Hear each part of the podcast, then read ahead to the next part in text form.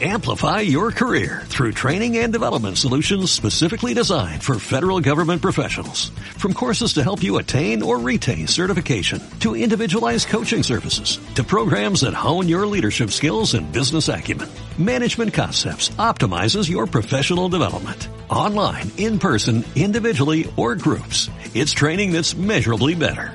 Learn more at managementconcepts.com. That's managementconcepts.com.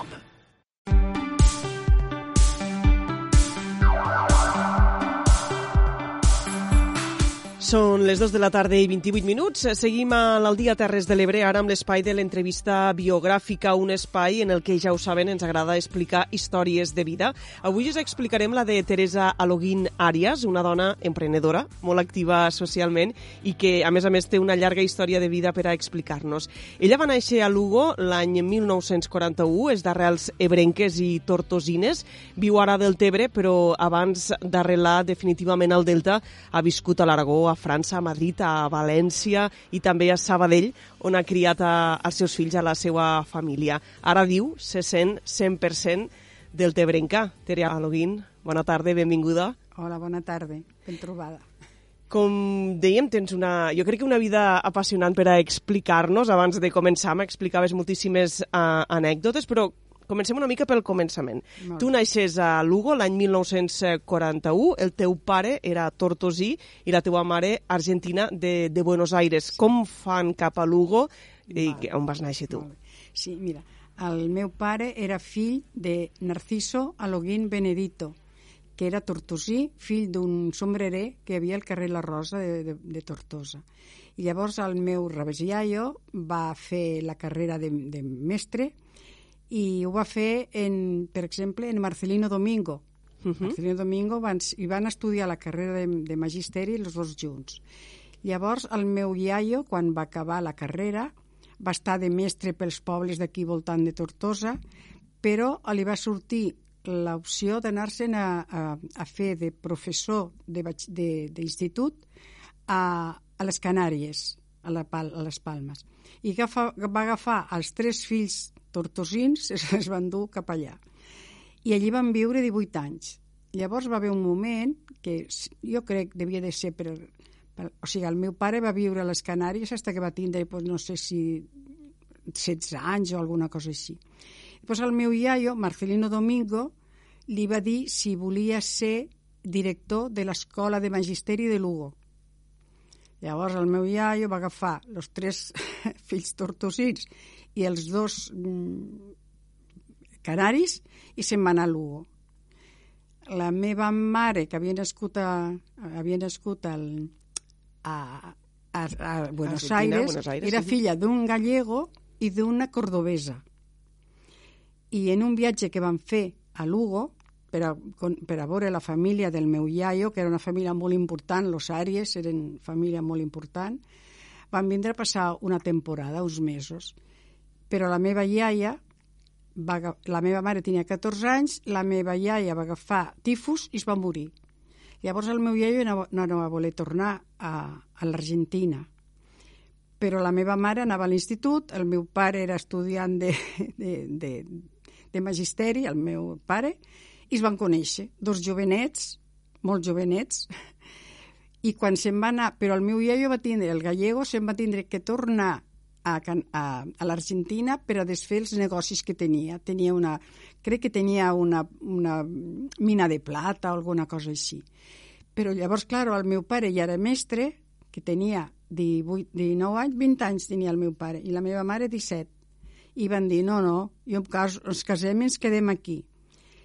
I llavors el meu iaio va anar tot sol a, a l'Argentina a desfer el negoci i la meva mare i el meu pare, que el meu pare ja era mestre en una aldea d'aquelles a la muntanya de Galícia, se va quedar i es va quedar la meva mare, el meu pare, el germà de la meva mare, que era un xiquet de 12 anys o així, i, i, bueno, i llavors per això llavors allí ja vam uh -huh. néixer tots els gallegos. Eh, tu eh, explicaves al principi la relació de Tunyayo en Marcelí Domingo, no? este mestre polític sí, i, ministre sí. de la Segona República. Sí. I, I, de fet, tu naixes després de la Guerra Civil Sí, Espanyola, sí, l'any 1941, però esta etapa, la Guerra Civil Espanyola, va ser molt dura per a la teua família, Claro. precisament per estos vincles, no?, en Marcelí Claro, Domingo. claro, perquè eh, ara sabem, que no ho sabíem, ara hem sapigut gràcies a, a Tirant-lo Rall, per, un, per un, una cosa que, vaig, que van fer un, me van fer una entrevista. Una entitat d'aquí del Tebre, que, Sí, que sí. recupera la memòria històrica, per dir-ho Sí, així. i llavors és un professor mm, gallego, un senyor gallego, que el seu pare havia sigut el que, el que era l'amo de la casa d'aquella aldea xocoteta que eren sí, uns sis cases i, i, i, i que el seu pare sempre va pensar què va ser d'aquell mestre que el van apresonar, perquè el meu pare en 20 anys el van apresonar, se'n va estar, els dos anys de la guerra els va passar a, a la presó. I, i ell sempre pensava, què ha degut de ser d'aquell noi? Segurament el van matar, o... i encara les coses estaven en una casa, vull dir que una història que hem, hem conegut ara i sabem que l'únic que tenien en contra el meu pare per empresonar-lo era que havia sigut un revolucionari perquè havia format una... perquè era molt intel·ligent el meu pare, uh, molt jove, ja era intel·ligent, i va formar una biblioteca ambulant per les, per les aldeetes d'allà de, de Lugo, de les, de les muntanyes. Això era un pecat, no es podia fer. I, a més a més, el seu pare s'escrivia en Marcelino Domingo. És a dir, per haver fet una biblioteca ambulant i, Sí. i perquè el pare tenia relacions amb Marcelí Domingo, se va passar dos anys a la presó. Sí, sí, sí. I- i- i a després més a més- van deixar, i després ja no va poder, va estar 25 anys sense poder treballar de mestre, tornar. Mhm. I, I tu m'explicaves també que, que estos dos anys que el pare se, se, passa la, se passa a la presó van ser també molt durs per a la mare perquè Claro. pràcticament no tenien comunicació no? i no sabien què, què, què No. estava passant. No, ella, ell, les, les mares, les germanes o les dones de la casa els havien de portar el menjar cada dia. O sigui, la meva mare es va passar dos anys portant-li el menjar al seu, al seu home però, i no tenien per a menjar ells, però per a, aquell, per a que el que estava preso pogués menjar, però no sabien mai si l'havien executat aquella nit o no. Això va ser durant dos anys. Inclús és, és l'únic que va explicar la meva mare, així més, perquè... No, se'n ha- parlava, no, d'este tema? no, no, no perquè, claro, érem, érem els que havien perdut la guerra. Érem els dolents, no? Havíem perdut la guerra, érem els dolents. Alguna cosa havien fet, no? Perquè si no, perquè havia estat presó. El que no deien és per què, que és el que havia fet el meu pare. perquè no era de cap... No era, el meu pare no era polític, no, no es dedicava, només donava classes. I, I llavors diu que havien dones que arribaven allà i els hi deien no, no, bonita, ya te puedes ir que, que este ya no comerà nunca más. I és perquè l'havien l'havien executat a la, a la nit. Per tant, una, una etapa molt dura. Eh, ho diem, eh? l'any 1941 vas néixer, vas néixer tu, i, i la, teu, la teua primera etapa de, de vida vius a, a, a Galícia, però ja als 9 anys és quan vi, vens a Sí. viure a, al Delta, no? Sí. Eh, que et crea un, un gran impacte, no? Vens d'una ciutat a, a un lloc que en aquell moment, Claro. eh, als anys eh, 40-50, pues era bastant inhòspit, m'imagino. Jo vaig néixer amb un, amb un pis, un pis eh, teníem, teníem quarto de bany, en banyera i aigua potable, o sigui, no i pues vivíem en una, una petita, era una ciutat de província, però era una ciutat. I, i de sobte la, el, meu, el meu iaio, el, el, el, el Tortosí, quan li van dir que tenia... Perquè ell va tornar o sigui, el meu iaio sí que se'n va anar a l'estranger, però se'n va anar durant tota la guerra. O sigui, quan ell va tornar, no el van castigar per a res, va seguir sent mestre una altra vegada. L'únic que no el deixaven ser mestre a Lugo, havia de ser mestre en un altre lloc, que li va tocar Burgos. I ells, me'n recordo el meu iaio que deia, en Burgos solo hay monjas, curas y tortilla de patatas. Però quan ells se van, li van dir que tenia càncer, el meu iaio tenia 60 anys, ell va dir que volia vindre a morir-se a Tortosa. I la, la seva filla, que ja era s'havia casat en un home molt ric, uh, li va buscar un lloc per a vindre i va, i va morir a Tortosa. Està enterrat a Tortosa. I llavors és quan torneu, no?, tots cap, a, cap I aquí. quan mor, llavors la, la meva iaia va dir per què no veniu? Perquè, clar, el meu pare no podia exercir de professor. I va dir, és que hi ha un lloc a Jesús i Maria que podeu fer classe, pot fer, pots fer classe, però, clar, sense... No, no, era, no era legal, era il·legalment. I, i, va, i, va, va, i llavors va, va, formar, va fer una, una, una escola al de Paca de Rius, uh -huh. als sortets, Jesús i Maria. I és quan van vindre aquí que al final es van denunciar, bueno, això ja va ser terrible, però bueno. Però, però jo... explica'm una mica això, eh? Com, com tu als 9 anys arribes aquí, sí. bueno, a Jesús i Maria, que de fet eh, llavors era una pedania de Tortosa, i te trobes este gran contrast, no?, claro. entre la ciutat que venies i el que era llavors sí. eh, el Delta de l'Ebre o Jesús i Maria. Jo odio el fred, sempre. Imagineu-vos Lugo, un lloc fred, que és un lloc molt fred, perquè fa molt de fred i al mes de maig fe, havia nevat, me'n recordo que, que va ser. I llavors arribo aquí, mare, al mes de maig, en una temperatura fabulosa. Plovia, eh? Aquell dia plovia que ens vam estacar de fang des de l'estació de l'estació de la, de, del Corrilet fins a la casa on, on anàvem a viure, que allò va ser... Però jo vaig trobar un paradís, vaig trobar algo impressionant. El primer que vaig fer, vaig mirar els altres xiquets i xiquetes que hi havia, anaven descalços. Mare, que bo, treurem les sabates, mm, pues, a, entrar dins de l'arrossar, perquè tot allò estava voltant de, de rossars. Mm, entrar, agafar tanquetes, perquè a mi no m'han fet mai temor les, les serps, agafar serps, uh, anguiles, perquè tot hi havia, tot aquell arrossar estava ple de granotes, i te vas I, fer vaiga ràpid, no?, al terreno. Ràpid, molt ràpid. O sigui, vaig, me vaig trobar, o sigui, una nena, una, una, una nena lliure i, i podem fer coses que, que, que no, a una ciutat no pots fer.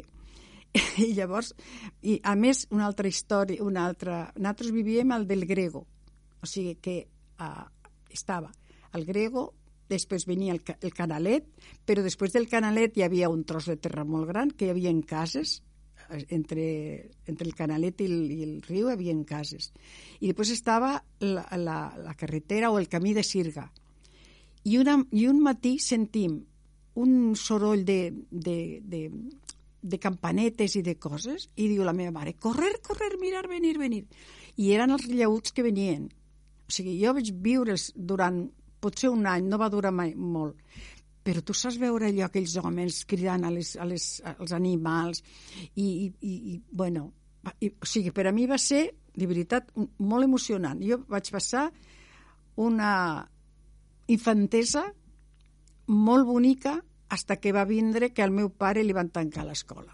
Uh -huh. Però és igual, van passar gana, van passar calamitats, però el nostre entorn era bonic no sé com explicar. Passàvem gana perquè no teníem que menjar i, a més, vam, vam anar a viure a una, a una barraca. I, però era igual. Mm, nostra, la nostra família érem... Els meus pares jugaven molt en natros, a jocs... Jocs, no, sí, a qualsevol joc era igual. Uh -huh. Inclús ens ensenyava al voleibol. No, al voleibol no, al, al balon volea. Eh? No, al voleibol no, sí, voleibol. Uh -huh. bueno.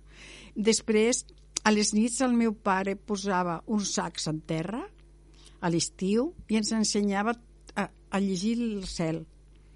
Mm, I després, claro, eh, no hi havia, no hi havia contaminació lumínica. El cel estava, la tenies a la, a la cara, aquí davant. I... Tens uns records molt vius, no? Tot i que eres vius, molt menuda. Molt vius, sí. I vam viure allí hasta que el meu pare uh, ja li van tornar a, a ser, ja va tornar a tindre escola. Aquesta és la primera etapa que tu vius a, al Delta, no? Entre sí. els 9 i els més o menys 14 anys? Sí. No, una, potser una... Sí, no, hasta, hasta els 15 anys. Uh mhm. -huh. Perquè després me'n vaig anar a França. jo tot sola. És a dir, de, de, del Delta de l'Ebre crec que aneu la família a l'Aragó, no? a la zona dels, sí. dels Monegros, sí. i, i després també l'oportunitat d'anar-te'n a França en només 15 anys. 16 anys. 16 anys però vaig sortir d'aquí en 15, però aquí jo havíem, ja ho havien... Uh, perquè jo vaig anar, a, vaig anar a França perquè una cosina del meu pare estava casat, estava casada en Josep Maria Terrassa, que era el director de ràdio, que era el d'Imaginet Pelacanyes. Uh -huh. I, I llavors ell havia conegut a una família francesa que necessitaven una au pair, una, una noia, una filla au pair. I ells no tenien, la tenien fills petits, diu, no, que tinc una, tinc una, una nebodeta que és molt espavilada i ja veràs tu. I la curiositat és que la que anaves a cuidar era més gran que tu. Sí, era una, no era cuidar, era companyia. Acompanyar. Una noia que s'havia cremat la cara en un, sense voler, una, i, i vaig passar, sí. Era, era companyia. Uh -huh. Era una noia que parlava espanyol i llavors vam demanar una filla au pair perquè era una gent que sempre tenien fills au pair però sobretot eren noies nòrdiques perquè espanyoles no n'hi havien però va ser la casualitat de trobar esta cosina de, del meu pare que era la, la dona de, de Josep Maria Terrassa i, uh -huh.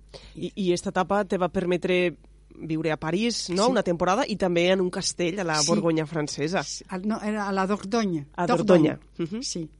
Sí, sí. I a més era, molt, era un castell mm, que era enorme, hi havia molt... Però havia sigut, eh, durant la guerra, la, la Segona Guerra Mundial, allò havia estat, els alemanys havien agafat aquell castell i van mig destruir. Llavors la família de Sant Xamà, els condes de Sant Xamà, la van anar arreglant però només van arreglar la part de baix, el primer pis, i el segon no. El segon estava tot com, com si, pues això, com si hagués passat una guerra tot destruït. I a mi me va tocar dormir a una habitació que era, estava al segon pis, on estava tot derruït, però a, la, a, una, a una torre. I després hi havia un, un passillo, una porta, i bueno, el meu, a la meva habitació era preciosa perquè era molt bonica, jo tenia, mm, pues, ho veia tot de, des de, de les de la finestra i tot això. Però jo a les 5 de la tarda pujava i tancava la porta aquella que donava aquell passillo que estava tot destruït, perquè després de nit i, a, i després es pujava i estava oberta la porta. Jo, segurament que algun, o, o, el, o el, algun fill de la casa o això pues va, va dir aquesta li farem temor. Llavors jo vaig aprendre a pujar, perquè l'escala era de, de caragol, a pujar els ulls tancats, comptant els esclaons, i entrava a l'habitació amb els ulls tancats i, i ensenyant-li llum. Tenies temor.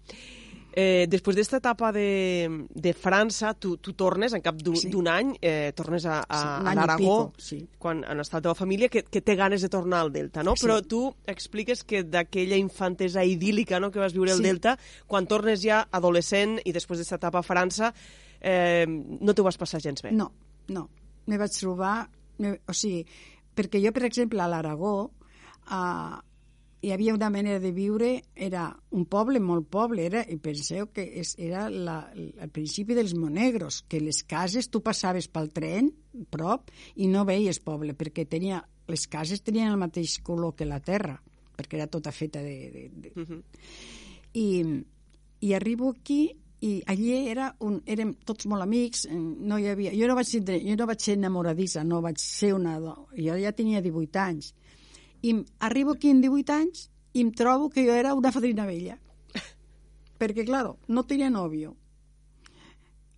A- A veure, no estava casada, perquè amb 18 anys hi havia moltes estaven casades, ja tenien fills i no m'ho vaig passar gens bé. A més, vaig deixar uns, uns amics i unes amigues a l'Aragó i vaig passar tan malament, però després eh, me vaig fer amiga d'unes quantes noies d'aquí baix que eren... eren no, no, és que fossin més, millors ni pitjors, però teníem una altra manera de pensar. I me vaig fer amiga d'unes quantes que teníem una altra manera de...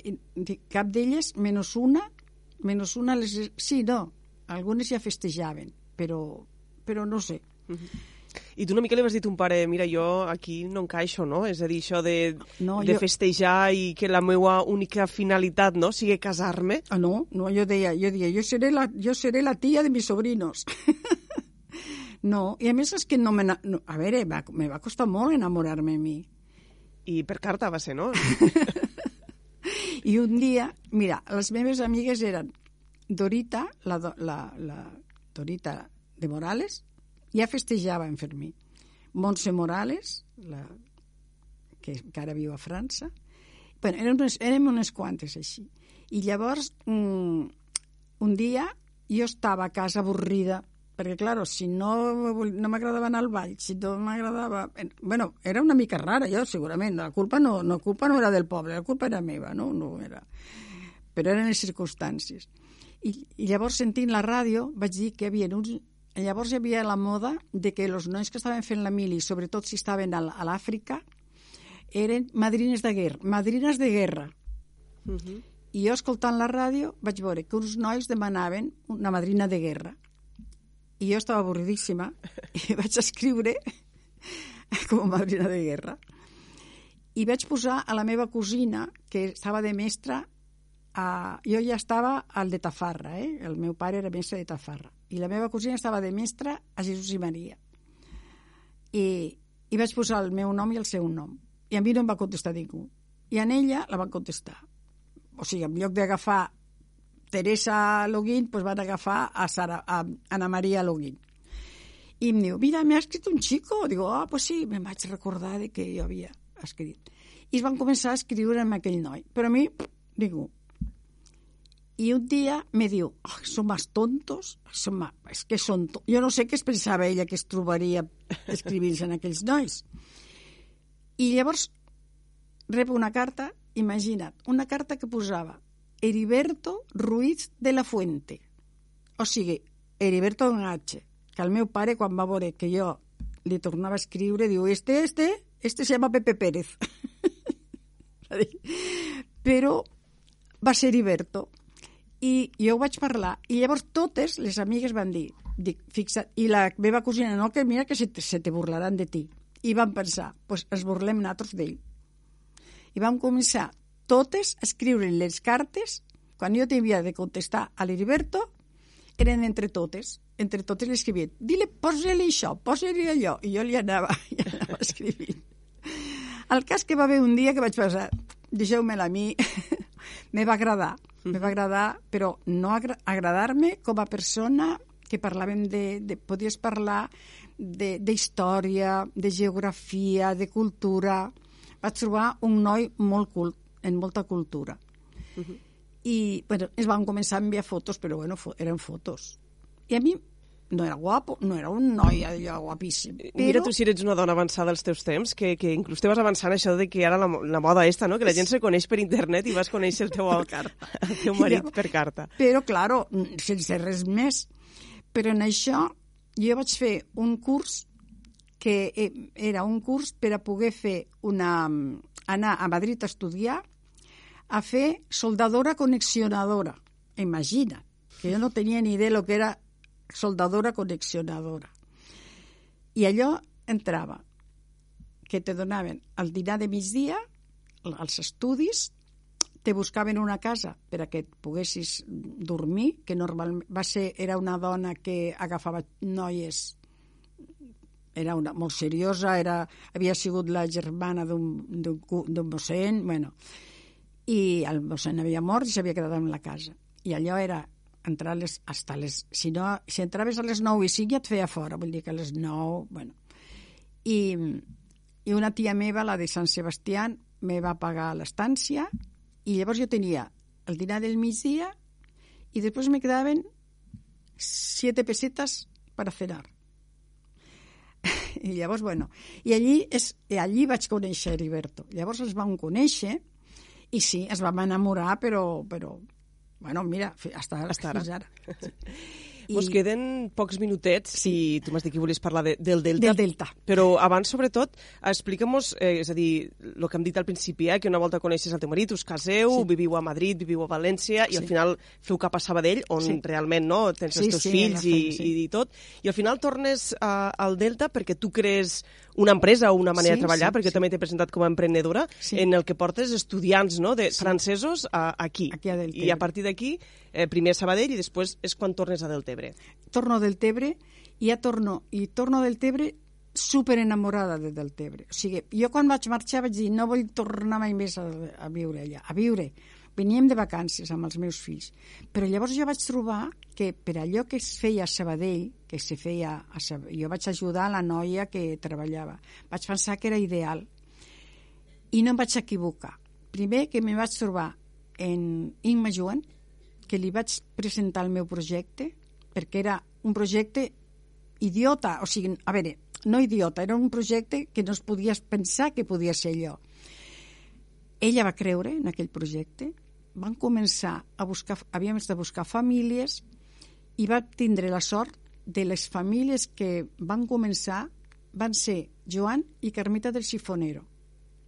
Si Carmeta i Joan del Sifonero agafaven aquests xiquets o aquests professors, era que era bona cosa, no era qualsevol cosa. I des d'aquí, ara, abans de la pandèmia, vam arribar a tindre, a tenir cada any 50, 50 autocars de 50 xiquets. Uh -huh. Imagina't que venien de França, al Delta, de... sí. no? s'allotjaven en, en famílies d'aquí a Deltebre sí. i coneixien el territori, claro, no? Mica l'objectiu sí, sí. era este. Però mil i pico, imagina't. Però és que ara comencem el dia 14 una altra vegada. I quants anys tens ara? 83? 82, I encara 82. 82 farà l'abril. I sí, encara sí. continues el projecte. Sí, encara tenim, tenim unes famílies. I a més, resulta que el Delta... O sigui, quan, quan se'n van els grups, mm, fan una avaluació uh, del Tebre, o sigui, el que és el Delta, uh, tenim d'una puntuació de 20, a vegades ens arriba una puntuació de 22. per tant, que, que, que funciona molt bé. Mm. Eh, tu tornes a, a viure aquí perquè ten, sí. tires endavant este projecte. Mm. Eh, de fet, tu estàs aquí, la teva família continua a Sabadell, no? Quan, sí, quan sí. és a dir, tornes tot sola, per dir-ho així? No, no, jo el vaig abandonar. O sigui, saps allò que dius, no pots treure't els fills de casa? Me'n vaig anar jo. Els, vaig dir, sí, no, no és broma. Ells no volien, però jo vaig dir, no, jo me'n vaig cap avall, jo me'n vaig cap allà, vosaltres quedeu aquí. I al final, mira, mig mig estem aquí tothom. I ara, bueno, quan, quan tornes i decidixes establir-te establir ja definitivament aquí, és quan tu t'impliques realment molt, no?, en, socialment a, a Deltebre, sí, sí, estàs a l'associació sí. ADAS, també a sí. al coll de sardanista i, i de Jotes, sí, sí, sí. i ets una persona que te coneix pràcticament tothom, no?, bueno. perquè socialment ets molt activa. Sí. Molt. I ara, i ara, bueno, ara resulta que ara m'han nombrat... Delegada, no?, d'este Consell Municipal de, de, de gent gran. gran. Sí. pues bueno, jo encantada. O sigui, a veure, jo és que sóc del, del Taika totalment. Eh, M'encanta el Delta. Si tinc un problema, a vegades, aquells dies que tens un baixón, agafo el cotxe, me'n vaig al mig dels arrossars, me sento allà, me quedo quieta, i no sóc de mar, no sóc molt de mar, jo sóc més de muntanya, però sóc del delta. I després el que m'agrada molt és anar a aquestes muntanyes que tenim aquí, a la vora. Uh -huh. eh, parlaves d'este fet no, que t'han nomenat delegada del Consell de, de Gent Gran de, de Deltebre i explicamos una mica la teva història de vida. Sobretot m'imagino que tu el que defenses és l'envelliment actiu, no? És a dir, claro, sou gent gran però activa.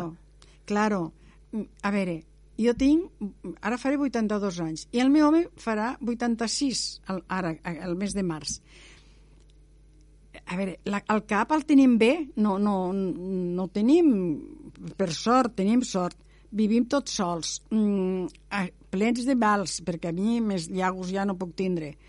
Uh, soc una malalta de fibromialgia, però és que, però som gent gran i gent, jo, això pot ser que pensin que sóc una, que sóc una creguda, però jo sóc més sàvia que fa 10 anys i molt més sàvia que fa 20. Mm, sé més coses i a més a més... Per tant, mm, pots aportar molt més, no? Claro, i a més puc entendre més coses, perquè m'és igual, ara, ara els joves, el que fan ara els joves, ja ho he fet, jo ho he fet d'alguna altra manera perquè anar a robar, per exemple, massanes amb un pobre senyor que, que anàvem a robar-li massanes per al gust de robar-li massanes, pues són les gamberrades que poden fer. Potser ara se fan, no hi ha tantes gamberrades, però és igual. I el meu pare, quan començava les classes, cada, cada vegada que començava un curs, els deia als alumnes, lo que habéis hecho vosotros, lo que hacéis vosotros lo he hecho yo. O sea que no me vais a engañar nunca i és així. La vida ha canviat molt, però els, els, els instints i, els, i l'amor i l'odi o la mal, sempre serà el mateix. Nos queda, de fet estem fora de temps, però un minutet, eh? eh hem dit que també formes part de, de ADAS, aquesta associació sí. de dones agents de, de salut. Jo, perquè, pel que m'has explicat de la teva vida, m'imagino que tu et consideres una dona feminista. Molt, feminista i, i a més, d'igualitat. Ara tenim un grup de dones marroquís que les estem donant classes. I és una passada. Cada, cada setmana ens reunim en un grup de 12 dones que no es podeu imaginar el que ens estan ensenyant i el que estem aprenent d'elles. A veure si elles poden aprendre una mica més de nosaltres. Tere Aloguina, ha estat un plaer que, que hagis estat avui a, a la ràdio, a l'Aldia Terres de l'Ebre. Abans de començar, me dies, eh, si sapigués escriure, escriuríem les memòries, sí. i de veritat és que d'aquí t'animem, perquè realment tens una història de vida Soc negada. impressionant. Moltíssimes gràcies, Tere. A vosaltres, i perdoneu si he sigut un rotllo. No, no, no, que vam xalat moltíssim. Moltíssimes gràcies. A vosaltres. Amplify your career through training and development solutions specifically designed for federal government professionals. From courses to help you attain or retain certification, to individualized coaching services, to programs that hone your leadership skills and business acumen, Management Concepts optimizes your professional development. Online, in person, individually, or groups, it's training that's measurably better. Learn more at managementconcepts.com. That's managementconcepts.com.